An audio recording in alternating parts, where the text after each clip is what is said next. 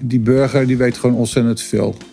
We hebben hier een heel traject gehad naar Verbeter Breda. En daar zijn ook goede participatietrajecten met burgers geweest. En het verbaast me altijd weer hoeveel informatie er is in de wijk.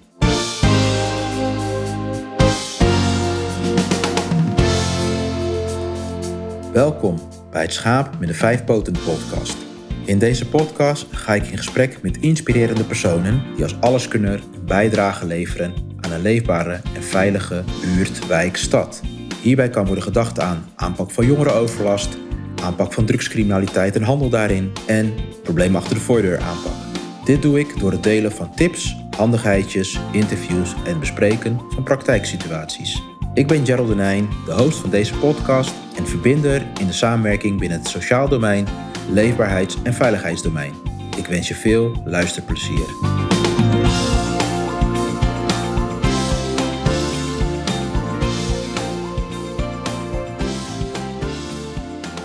Als ketenmanager veiligheid binnen de gemeente Breda weet John van Westerbrugge als geen ander wat de maatschappelijke opgaven zijn waar de gemeente mee te maken heeft. Op wijkniveau nemen tegenstellingen alleen maar toe, zoals arm en rijk, gezond en ongezond, hoog en laag opgeleid. In Breda is men bezig om die sociale ongelijkheid aan te pakken.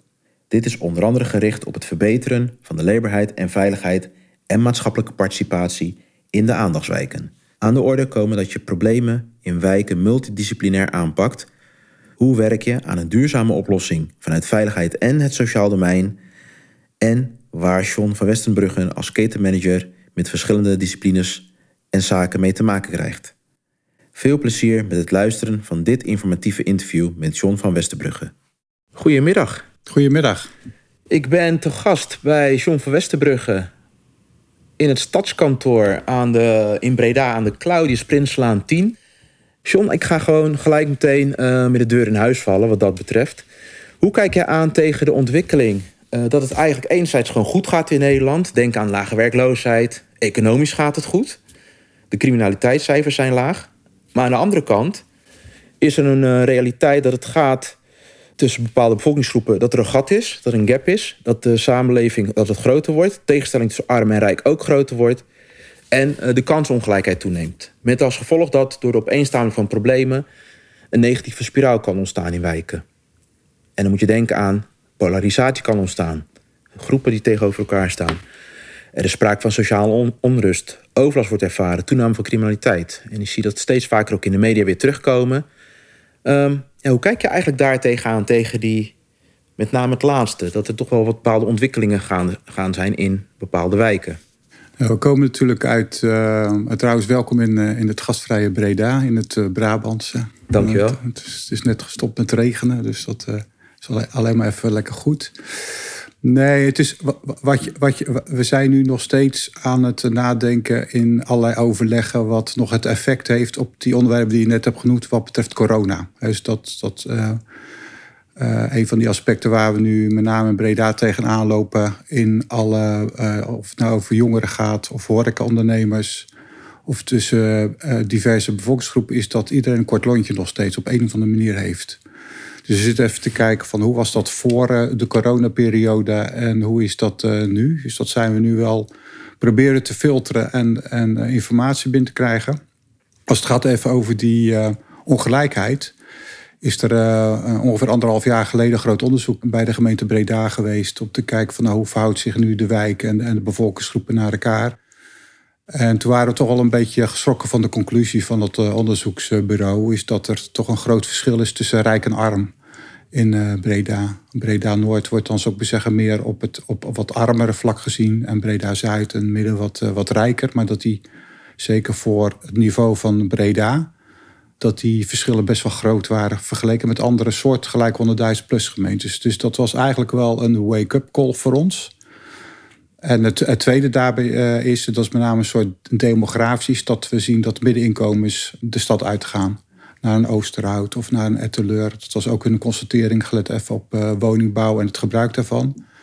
En waardoor, want de middeninkomens zou je kunnen zeggen van zou juist een soort oliemannetje of een smeermiddel tussen laag en hoog kunnen zijn. Als dan die ook nog vertrekken, kunnen de verschillen tussen rijk en arm nog groter worden.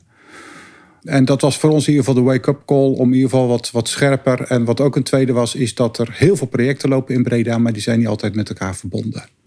Probeer eerst meer op stedelijk niveau uh, zaken uit en dan maatwerk naar een wijk. En nu hebben we eigenlijk per wijk of per dorp, we hebben een aantal dorpen hier in Breda, is een aparte wijk, maar die zijn niet met elkaar verbonden. Dus dat waren voor ons mooie vertrekpunten om eh, mee te doen aan Verbeter Breda. We, uh, we zaten in ieder geval als gemeente bij een van de 15 gemeentes wat betreft de aandacht voor achterstandswijken. De term achterstand mag je niet meer gebruiken, maar het is ja. tegenwoordig kwetsbare. Maar dan weten we in ieder geval waar we het over hebben.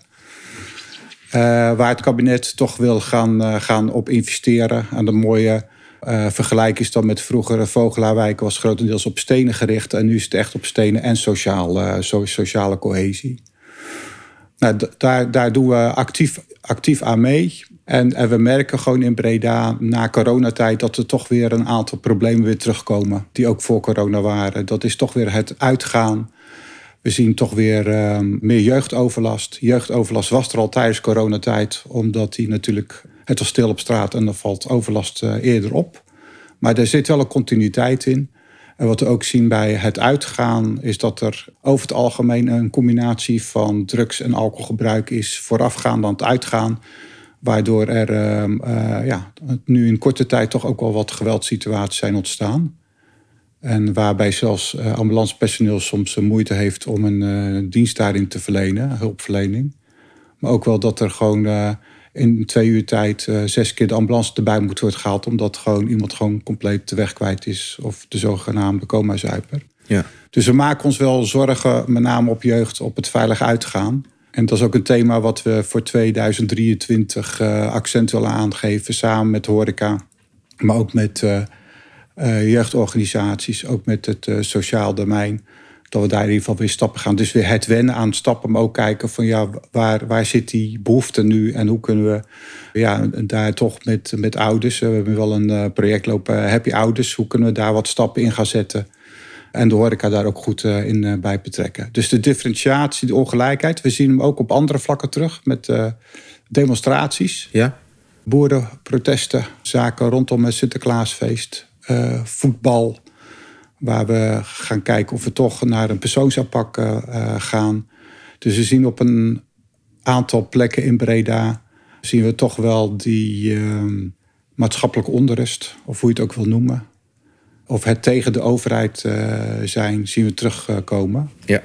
En we zijn nu, er zijn natuurlijk ook rellen geweest tijdens corona bij een aantal Brabants gemeenten. Daar is een goed onderzoek over geweest. En we proberen daar met name ook de lessons learned in te pakken. Om dan niet tijdens alle rellen die er zijn, maar proberen ook al van tevoren te kijken. Ja, wat speelt er in de wijk? Wat verwachten we? Dus veel meer proactief op sentimenten proberen we in te gaan. Of het nou over voetbal gaat, of het is een groot evenement wat aanstaande is.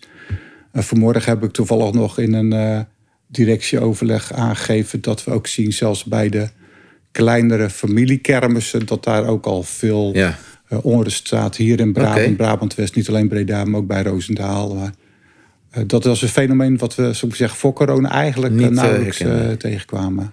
En voordat we verder gaan met het interview, voor de luisteraars die je niet kennen, kun je iets meer vertellen over jezelf? Ja, ik, heb een, uh, ik, ik, werk nu 2,5 jaar bij de gemeente Den Haag. Eerst als afdelingshoofd Veiligheid en Leefomgeving, inmiddels ketenmanager.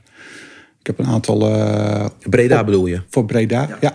Zei ik een andere gemeente? Den Haag. Ah, sorry. Piep. Piep. Maakt niet uit. Ja, ik werk nu 2,5 jaar bij de gemeente Breda. Eerst als uh, afdelingshoofd Veiligheid en Leefomgeving. En ja. inmiddels uh, sinds kort de ketenmanager Veiligheid. En niet alleen uh, zit veiligheid en leefbaarheid in mijn club, maar ook alle vergunningen als het gaat over de WAVO, straks de omgevingswet. Daarvoor voordat ik in Breda ging werken, was ik uh, directeur veiligheid bij de gemeente Maastricht. Ja. En ik heb eigenlijk bij uh, alle gemeentes waar ik tot nu toe gewerkt heb, altijd wel iets op veiligheid en leefbaarheid gedaan en vergunningen. Dus het is altijd wel een beetje mijn hoek, die fysieke hoek. En ik ben oorspronkelijk gestart als, als politieagent in eerste instantie bij de gemeentepolitie Vlaardingen Rotterdam vijf jaar gewerkt. En van daaruit eigenlijk in gemeenteland terecht gekomen. Onlangs had ik Jur Verbeek, de, de eerste stadsmarine van Nederland, geïnterviewd.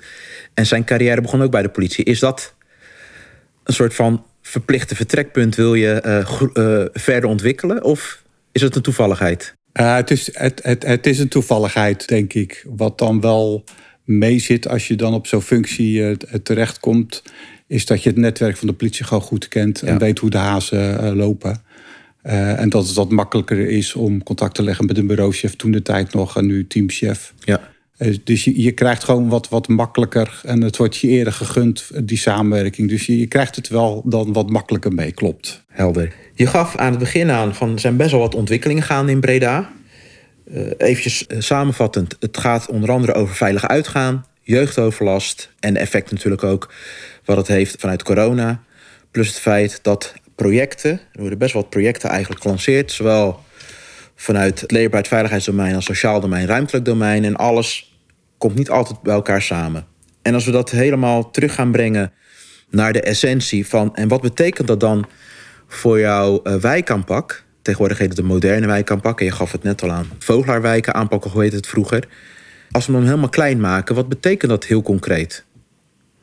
Dat betekent, net zoals vroeger de oud en nieuw aanpak...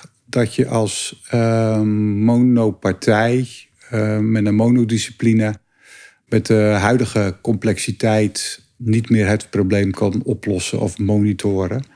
Vroeger kon je oud en nieuw oplossen met veiligheidsoplossingen. Ja. Veel politie, veel handhaving. En dan uh, hield iedereen zich een tijd rustig. En wat we nu zien is dat en jongeren en burgers dat niet meer pikken en naar een duurzame oplossing. En dat is misschien eigenlijk wel een beetje een term die nu op veiligheidsgebied en op sociaal nu weer een beetje verdwenen is. Maar uh, vanuit veiligheid zijn we geneigd om heel reactief dingen te organiseren en op te lossen.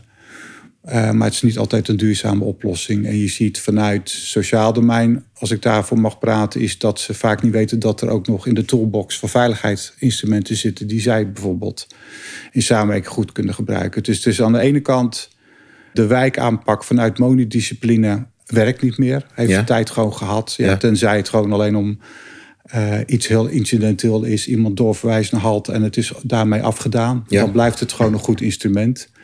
Als ik kijk nu naar de huidige uh, problematiek van bijvoorbeeld kwetsbare jeugd in de wijk. Dan heb je elkaar gewoon nodig. Ja. Heel breed. Je hebt je partners nodig. Je hebt netwerkpartners nodig. Je hebt rolmodellen in de wijk nodig. Want anders zou je nooit naar zo'n duurzame oplossing gaan. Dan blijft het ja, roeien met de riemen die je hebt. En die zijn heel beperkt. Je hebt elkaar nodig voor een duurzame structurele oplossing. Kun je daar misschien een, een, een recent voorbeeld geven hoe dat in de praktijk dan eruit ziet, zo'n samenwerking tussen diverse partners, maar ook intern tussen diverse uh, afdelingen? Ja, het begon al bij, uh, even weer terug bij de gemeente Zoetermeer, ja. waar ik als afdelingshoofd uh, startte. Daar was het ook vrij vanuit veiligheid georganiseerd. En hebben op een bepaald moment werkoverleg hebben, zo zeggen, mensen uit het sociaal domein, beleidsmedewerkers aan toegevoegd, maar ook vanuit uh, wijkmanagement. En dat was een eerste stap dat we een beetje dezelfde informatie hadden en een beetje dezelfde vertrekpunten. Dan naar de oplossingen was dat vaak nog moeilijk, omdat iedereen zijn eigen budget en zijn eigen prioriteiten had. En vaak ook uh, wethouders andere prioriteiten hadden. Als ik nu naar de stap overmaak naar Breda, ben ik nu echt heel intensief bezig met het sociaal domein om te kijken of we naar een gezamenlijk programma krijgen. En het mooie daarvan is dat we twee weken geleden van beide bestuurders, zowel de burgemeester als eh, wethouder zorg en jeugd, eigenlijk groen licht hebben gekregen om dat programma in ieder geval verder gaan in te vullen. En daarmee moeten we natuurlijk ook keuzes maken. Want je kan op het gebied van veiligheid en zorg kan je misschien wel 20 of 25 thema's benoemen. Maar stel je voor, hè, we zouden acht thema's benoemen en daar echt de kopcapaciteit en de financiën bij elkaar in die toolbox uh, samenvoegen. Dat is ook de opdracht van die uh, kwartiermaker die nu bezig is uh, ja. voor ons. Ja, dan kan je eens ook weer zeggen, een stukje doelgroep. En of het nou over kwetsbare jeugd, of het zijn jongeren die al bij criminele families zijn. En je probeert, zo te zeggen, die carrières te doorbreken met een programma. Ja, dan met de toolbox van veiligheid, preventie en zorg kan je zoveel meer. Ja. Uh, dat is makkelijk gezegd, maar de stappen daar naartoe zetten. Want uh, de culturen, dat, dat, je met dezelfde taal praat tussen sociaal domein en veiligheidsdomein. Dat je weet welke budgetten er zijn. Dat je weet welke prioriteiten zijn. En dat je dat wat gaat samenvoegen. En daar ook focus op leggen. Ja, dat is, een, dat is een traject waar we nu, nu in zitten. Uh, rond 1 januari afgerond moet zijn. En wat we aan beide bestuurders gaan presenteren. En we hopen daar een mooi programma. Ja, dat vind ik echt een doorbraak. Ja. Dat vind ik echt een, uh, voor de doelgroep uh, een doorbraak. En zo wordt ook vanuit het sociaal domein, de veiligheidsdomein, ook zo naar nagekeken. Ja, als ik jou zo beluister, dan komt het bij mij over als dat jij als manager, ketenmanager, uh, leefbaarheid en veiligheid, feitelijk ook een schaap met vijf poten bent binnen de organisatie. Kun je dat onderschrijven? En zo ja, wat maakt het dan dat deze rol die je nu hebt zo, zo complex is eigenlijk? Ten eerste moet je ook de successen uh, gunnen aan iemand anders. Dat is een hele belangrijke. Vanuit veiligheid is nogal eens de neiging om lekker de successen bij jezelf te houden. Het tweede wat best wel complex is, is dat je met verschillende bestuurders hebt te maken met verschillende prioriteiten. Zeker nu ook met een nieuw collegeprogramma. Om, om de stappen met elkaar te zetten van dat je wel iets gemeenschappelijks uh, hebt. En dat bij de ene bestuurder vindt dat best wel moeilijk. Want die heeft ook natuurlijk een afspraken naar zijn eigen achterban. En die heeft ook afspraken in het college. Maar dat we dan toch de stap zetten van wat kunnen we met elkaar verbinden. En daar ook de consequentie aan uh, verbinden. Nou, dat betekent voor mij als uh, manager is dat ik ook afhankelijk ben. Ik, ik, ben afhankelijk van het sociale domein. Ik ben afhankelijk van die samenwerking.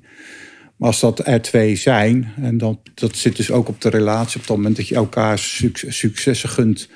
Maar ook dat je zegt van nou oké, okay, ik wil graag dit punt in het pakket hebben. Maar dat je dan ook gunt dat iemand anders ook zijn punt kan hebben. Dat hij zegt van nou, ik vind het heel erg belangrijk bijvoorbeeld voor een goede aanpak van de, de daklozen en, en de zwervers. En waar het bij jou wat minder prioriteit geeft. Ja. ja, dan zou je dat ook daarin mee moeten pakken. Dus het betekent ook onderhandelen met elkaar op een goede manier. Waarbij de relatie gewoon goed in stand uh, in blijft. Ja, en, en, vervolgens is het ook om je clubs daarin mee, uh, mee te krijgen. Zowel bij veiligheid en zorg. En dat betekent ja, gewoon veel, veel praten met elkaar. Casuïstiek met elkaar uh, doornemen en de energie vasthouden. Dus eigenlijk moet je buiten je eigen comfortzone. Ja. En bij mij zit mijn primaire comfortzone zit natuurlijk bij veiligheid en leefbaarheid. Ja, dan zou je uh, ook het, het, het zou ik zeggen, uh, maatschappelijke opvang en jeugd en hun prioriteiten uh, zou je daarin moeten corporeren. En, en so, soms gaat dat heel gemakkelijk en soms ehm, duurt dat gewoon even een tijd. Maar daar ook ja. voor staan, maar ook die stappen inzetten. Uit je eigen comfortzone stappen. Ja, dat hoort wel. Want anders, anders kan je die stappen naar een gezamenlijk programma niet zetten.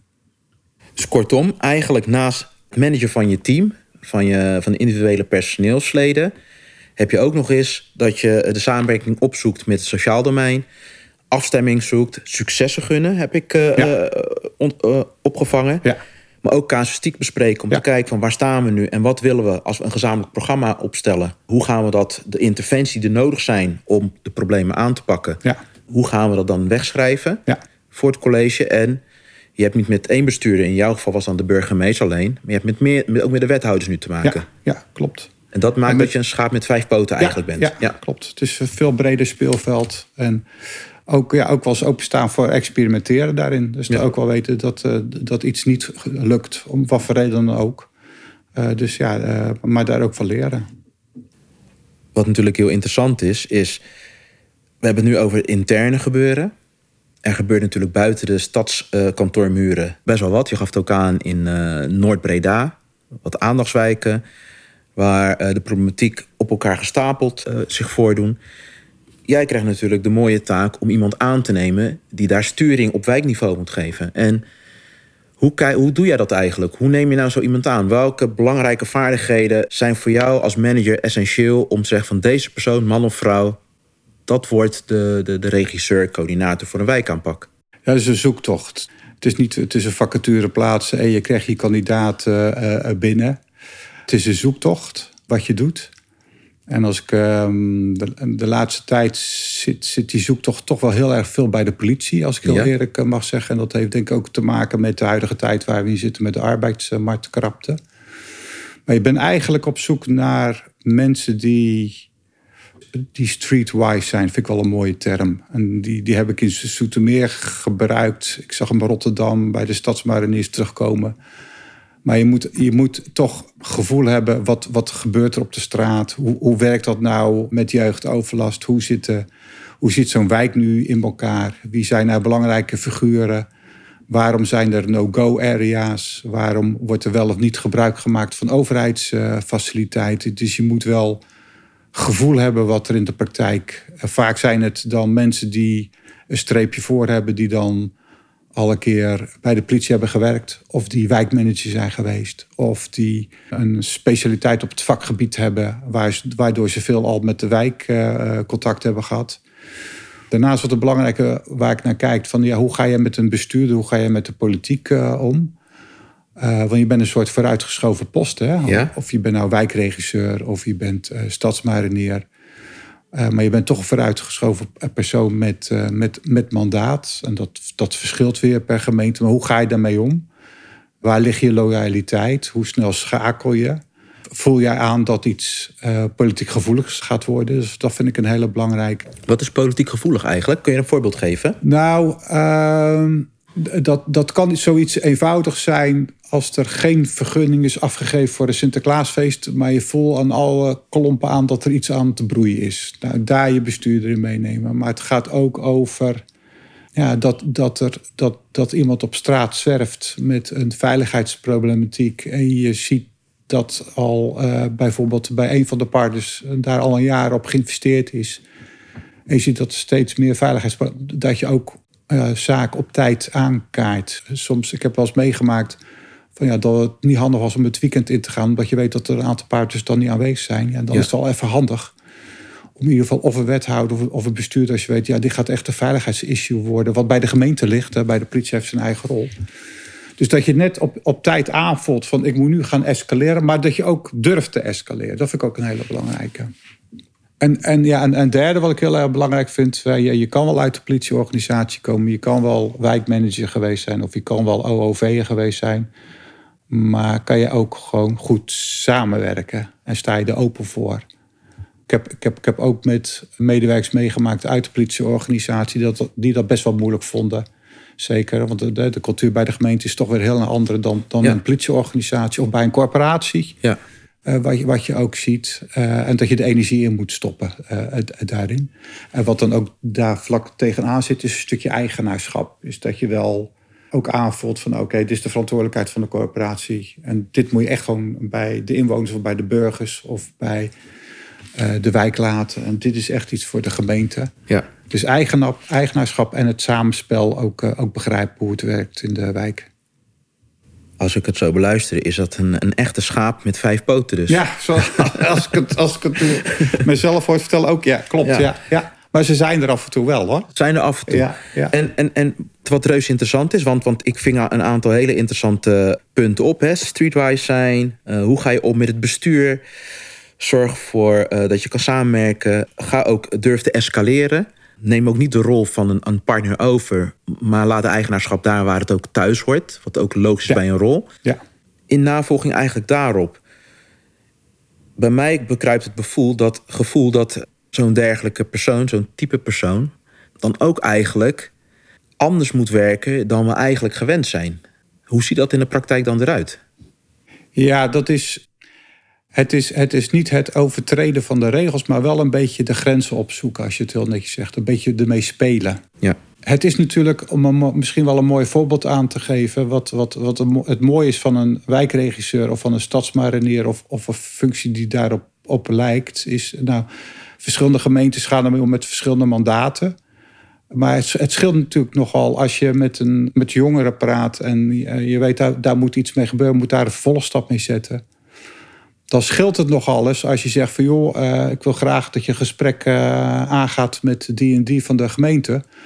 Of je zegt van joh, als je doorgaat, uh, zit jij volgende week woensdagmiddag bij de burgemeester. Ja die collega dan nog niet eens heeft afgehecht met de burgemeester op dat moment. Maar hij weet wel van als ik dit aan de burgemeester vertel, dat ik hier eventjes naar voren heb gebracht, zit ja. wel in mijn soort mondelinge mandaat. Dat maakt het spel wel heel erg anders. Naar iemand, zou ik zeggen, die je weer op het goede pad of even naar een richtingje wil duwen. En dat is een beetje sp sp spelen met, met, met, met, met je mandaat. Maar ook, denk ik, dat is het mooie ervan, als je met verschillende disciplines werkt. Dat je zegt van ja, hier is een traject, daar moet een gezin echt een duwtje de goede richting hebben. Ja.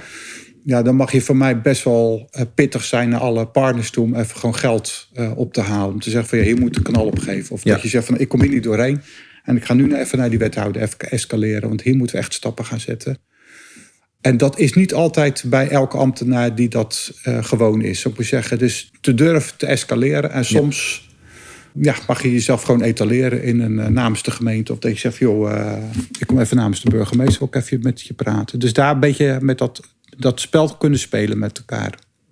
En ik, ik hoor heel vaak de term nu, op basis van mandaat kan je, kan je doorpakken. Wat is dan het mandaat eigenlijk? Hoe ziet dat eruit? Het mandaat is, was bij de Stadsmarinier van Rotterdam... was dat bijvoorbeeld een, een, een stuk budget... En er waren gewoon afspraken met elkaar gemaakt. Maar dat is dan een soort formeel eh, mandaat wat je dan hebt. Zeker als het gaat over budgetten. Of als jij uh, bepaalde juridische brieven mag ondertekenen. Dat is een soort mandaat. Ja. Het mandaat wat ik ook heb, heeft ook met dat streetwise te, te, maken. Is dat jij in bepaalde situaties. Dat kan naar een klant toe of een doelgroep toe. Maar dat kan ook naar een corporatie. Als jij vindt dat die eigenlijk te lui is. Of eigenlijk niks aan zijn eigen probleem is is dat je dan, zou ik zeggen, toch eh, de burgemeester bijvoorbeeld inzet of een wethouder. Van, ja, dan uh, hebben we volgende week een afspraak bij de wethouder hierover. Ja. En dat werkt toch in de praktijk. Dat, je, dat is een soort informele escalatie, noem ik het maar. Krijg je daardoor niet dat de spanningen misschien juist kunnen toenemen tussen partners? Of is je het moet het niet elke week gebruiken. Nee. Het zijn echt bij de doorbraakmomenten. Dus het, je moet het spaarzaam inzetten. Maar bij de doorbraakmomenten vind ik dat of het nou wijkregisseur is, is, kan dat even de meerwaarde zijn. Maar je doet het niet voor jezelf, je doet het voor de doelgroep of om net iemand uh, ja, die, die misschien uit huis geplaatst wordt, uh, om net even te helpen daarbij. Ja. Aan het begin heb jij ook iets meegegeven over. Uh, we zijn nu bezig om, om gezamenlijk een programma op te stellen. en als ik nu luister, dan is de, de, trekker of de regisseur voor zo'n wijkaanpak. Ja, die is dan eigenlijk ook trekker van zo'n gezamenlijk programma. Wat zijn dan de lessons learned? Want dat heb je nou expliciet heb je dat aangegeven. Wat zijn dan die lessons learned die jullie eigenlijk nu al hebben opgehaald? Vanuit het samenwerken, het, het, het ontgonnen terrein samen verkennen. En wat zou je de luisteraars daarin kunnen meegeven? Nou, de lessons learned die we tot, tot nu toe en die we straks ook in het programma, is dat je niet alles kan aanpakken. Dus dat je gezamenlijk ook focuspunten moet gaan benoemen. Ja. De tweede uh, lessons learned, die wij nu zeker met het bestuursakkoord voor het college hebben opgepakt, is dat we ook de bestuurders daarin meekrijgen. Dat is een, als, ja, als legitimiteit, hè, dat, dat het speelveld uh, bepaald is daarin. En wat ik een belangrijke vind is qua lessons learned, is dat ik nu met de ketenmanager van het sociaal domein wegblijft bij de vrijwilligheid van samenwerken. En die, vind ik, die heb ik bij twee andere gemeentes nu wel meegemaakt. Ja? Dan blijft het op een vrijwillige basis. Uh, zetten we wel wat op papier. Maar blijft het toch van toevallige ontmoetingen. En we gaan, nu, we gaan nu af van de vrijwilligheid. We gaan elkaar ook op die afspraken binden. Ja. En, dat is, dat, is, en dat, ja. is, dat is voor ons een doorbraak. Hoe ziet dat er eigenlijk uit? Want het is heel reuze interessant van ja. die vrijwilligheid eigenlijk uh, uh, niet meer als leidend laten zijn. Nee, we hebben met z'n twee betalen nu bijvoorbeeld een kwartiermaker op het gebied van zorg en veiligheid. En die is nu met heel veel mensen een interview aan het houden. Ja. En die komt dadelijk, ik noem dat met twaalf thema's die voor ons beiden interessant zijn. En we hebben afspraken dat, dat van daaruit er of een, light of een uh, zware versie komt van een soort programma. Wat we de komende vier jaar gaan uitrollen. En vervolgens kijken van wat voor capaciteit is daar gezamenlijk voor nodig. En wat voor uh, budgetten zijn er of wat zijn er nog voor budgetten nodig. Dus wij hebben allebei daar een commitment uh, aan gegeven om daar ook een programma van te maken. Ja. Dat kan een groot programma worden of een light programma, maar er komt een programma en die we ook gaan uitrollen. Ja, de, de vrijblijvendheid is, is, is dan niet meer, maar dat is gewoon het commitment en afspraken die we dan ook nog proberen bestuurlijk vast te leggen. Oké. Okay. Hele mooie ontwikkeling. Ontwikkeling die volgens mij ook wel interessant is om, om te volgen. En, en zodra dat in de eten kan worden geslingerd, het te delen met de luisteraars, althans mensen die geïnteresseerd zijn. Komen op het eind misschien nog even op terug. Ik denk wat een belangrijk punt ook is. En, en, en ik hoor het wel tussen de regels door. Het samenwerken is essentieel. Politie uh, versus uh, zorg, hulpverlening, het veiligheids- en sociaal domein. Als ik hem nog iets platter sla, hoe is de verhouding preventie en repressie dan georganiseerd in zo'n wijkaanpak? En hoe kom je eigenlijk achter die voordeur? Want dat zijn natuurlijk wel zaken die je, als je samen het veiligheids- en sociaal domein daar naartoe gaat kijken, dat zijn wel de zaken die iedere keer weer terugkomen. Hoe, hoe hebben jullie dat? Hoe bedenken jullie dat? Of hoe gaan jullie daar nu mee om? Hij zit, uh, hij, hij, het kan zo zijn dat, uh, dat hij terugkomt als thema in het programma, wat jij nu net aangeeft, hè? veiligheid achter de, de voordeur. Ja. Hij, hij is ook al wat lastiger, vind ik, omdat je daar best wel veel, heel veel partijen hebt die daarbij betrokken zijn, maar we proberen hem wel rond te maken. Dus niet alleen in de openbare ruimte, waar de neiging is van vaak politie, maar zeker van uh, leberheid van de gemeente, de, de BOA's en dergelijke. Dat is toch grotendeels openbare ruimte.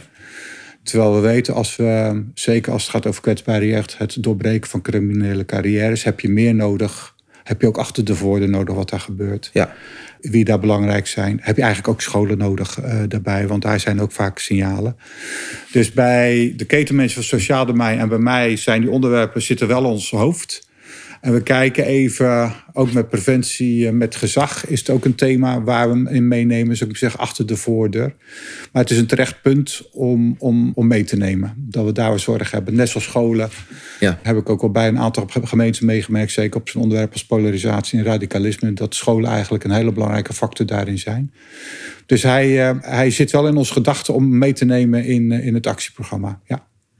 En dus dat is ook een onderdeel dan van je toolbox. Dus eh, preventie is niet alleen openbare ruimte, maar preventie zit ook heel veel achter de voordeur. En welke signalen. En die zijn nog het moeilijkst om binnen te krijgen. Ja, ja. want ik heb Jurgen Verbeek heb ik geïnterviewd. En, en, en een van de zaken die hij als aandachtspunt voor heeft gebracht tijdens het interview, dat was het informatiedelen is zo'n lastig punt. De privacywetgeving lijkt ons tegen te houden in de ambitie om uh, wijken veilig en leefbaar te houden. En uh, hoe kijk jij daar eigenlijk tegenaan om, om als je als een goede uh, situatieanalyse wil maken over persoon, gezin en wijkinvloeden, hoe krijg je dan al die relevante informatie tussen partijen op tafel? Hoe kan je dat uh, delen zonder dat partijen, organisaties ja, last van hebben? Nou, een mooi voorbeeld is um, bij wat ik zelf heb meegemaakt is met de radicalisme. Hoe ga je daar met, met al die gegevens om? Ja op een bepaald moment mochten we wel met de ehm, instellingen praten, zoals een uh, Parnassia. Als je uh, sprak over geanonimiseerde uh, casuïstiek. Ja. Dus niet herleidbaar naar adres of families. En ja, daar kan je dan veel met leren. Dus daar zijn we toen wel mee gestart. Ik weet ook dat, dat als je hele goede convenanten met elkaar afspreekt... en dat ook gewoon goed afhecht, dat je een eind kan komen. En een derde lijn die ik nu doe, we zijn zo afhankelijk van capaciteit op juridisch gebied om te kijken wat is nu wel of niet mogelijk. Dat heeft mij wel toe bewogen om een stukje capaciteit in te gaan huren op dit terrein met een jurist erbij. Ja.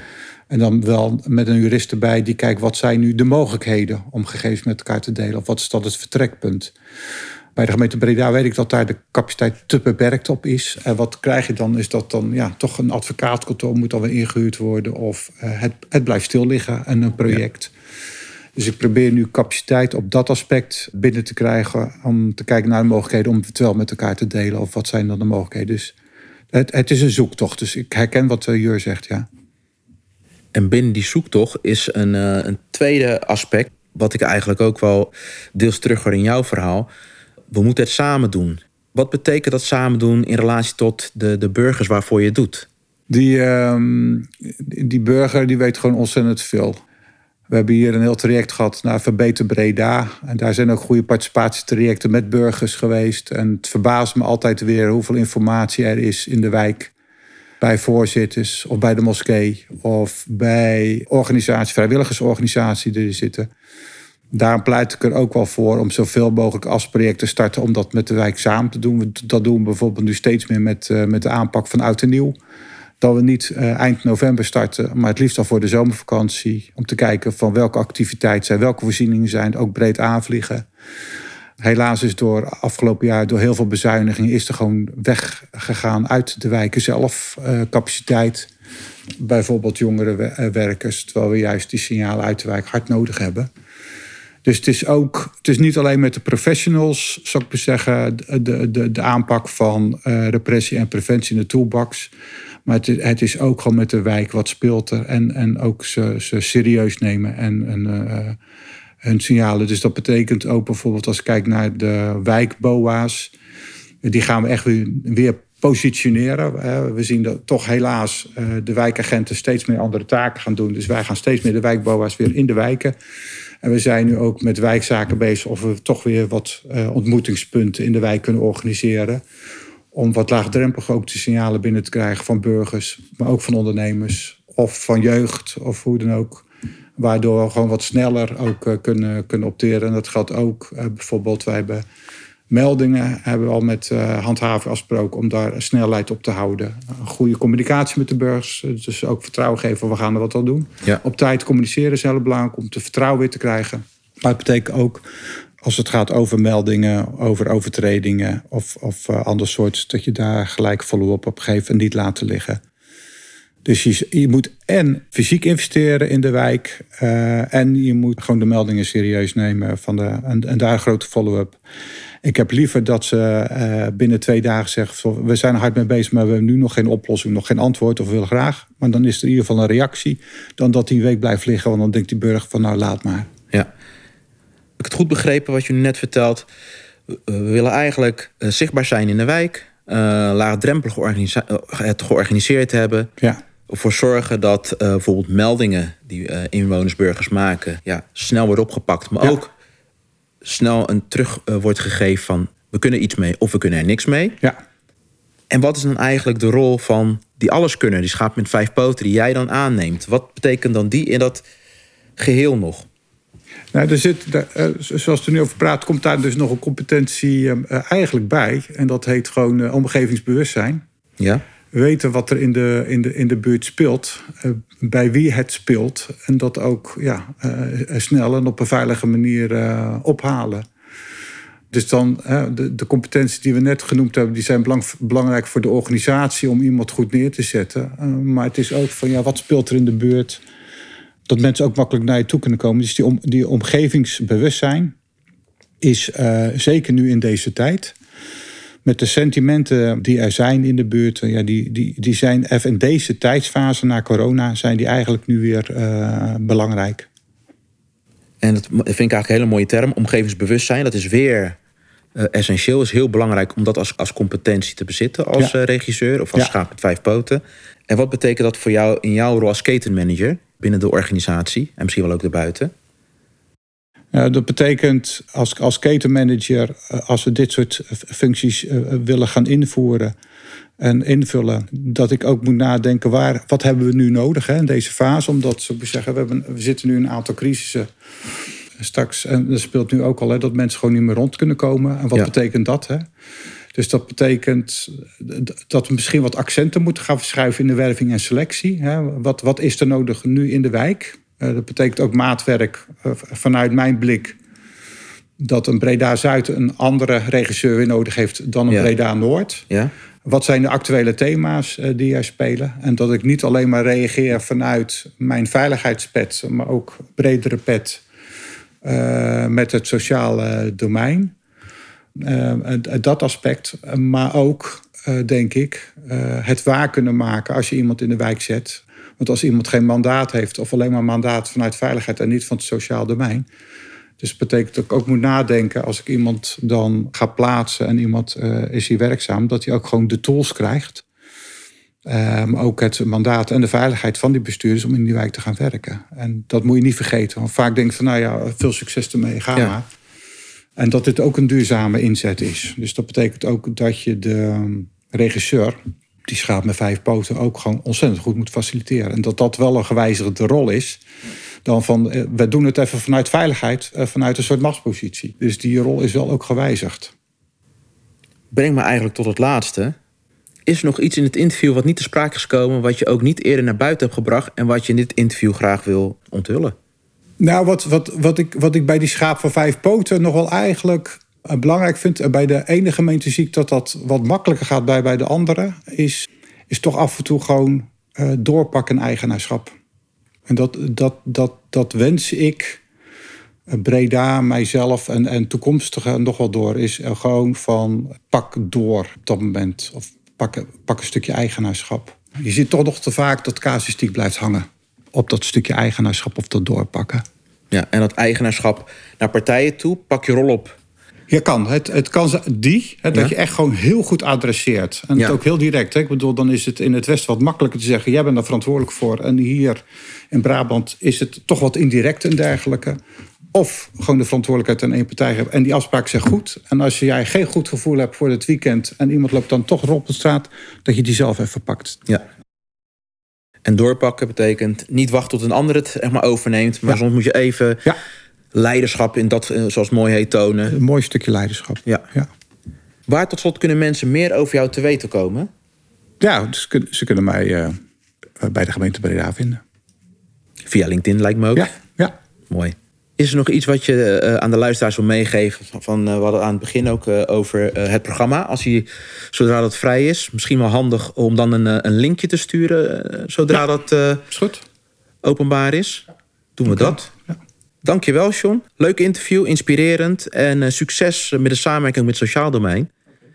En ervoor zorgen dat natuurlijk het leefbaar en veilig in, in Breda blijft. Ja. Dankjewel. Fijn dat je nog steeds luistert, beste luisteraar. En ik ben natuurlijk benieuwd welk inzicht jij hebt meegekregen uit dit interview met John van Westerbrugge. Ik vond het gunnen van succes en het komen uit je comfortzone mooie inzichten. Volgens mij heb je dan goede ingrediënten om samen buiten de lijntjes te kleuren. En te komen tot duurzame oplossingen voor een leefbare en veilige wijk. Bedankt voor het luisteren van de podcast en tot volgende week. Leefbaarheid en veiligheid in een buurt, wijk, stad. Er zijn grote begrippen waar iedereen wel een bepaald beeld bij heeft en een mening. En wie wil er nou niet wonen, werken, ontspannen in een leefbare en veilige buurt, wijk, stad? Er zijn de alleskunners, zoals een wijkagent, burgemeester, leerkracht, handhaver, jongerenwerker, gemeenteambtenaar die samen met inwoners en ondernemers voor een leefbare en veilige buurt, wijk, stad gaan. In de podcast Het Schaap met de Vijf Poten komen verschillende zienswijzen, methodieken, tips en handigheidjes aan de orde. Waar jij je voordeel mee kan doen hoe een buurt, wijk, stad leefbaarder en veiliger wordt. Ben je enthousiast? Abonneer je op deze podcast en laat een review achter. Hoe meer reviews worden ontvangen, hoe meer mensen deze podcast vinden. Zo zorgen we samen voor het delen van kennis en kunde om de leefbaarheid en veiligheid in de buurten, wijken, steden te vergroten. Het schaap met de vijf poten. Deze podcast wordt je aangeboden door Gerald Denijn, de verbinder in het samenwerken binnen het leefbaarheids- en veiligheidsdomein en het sociaal domein.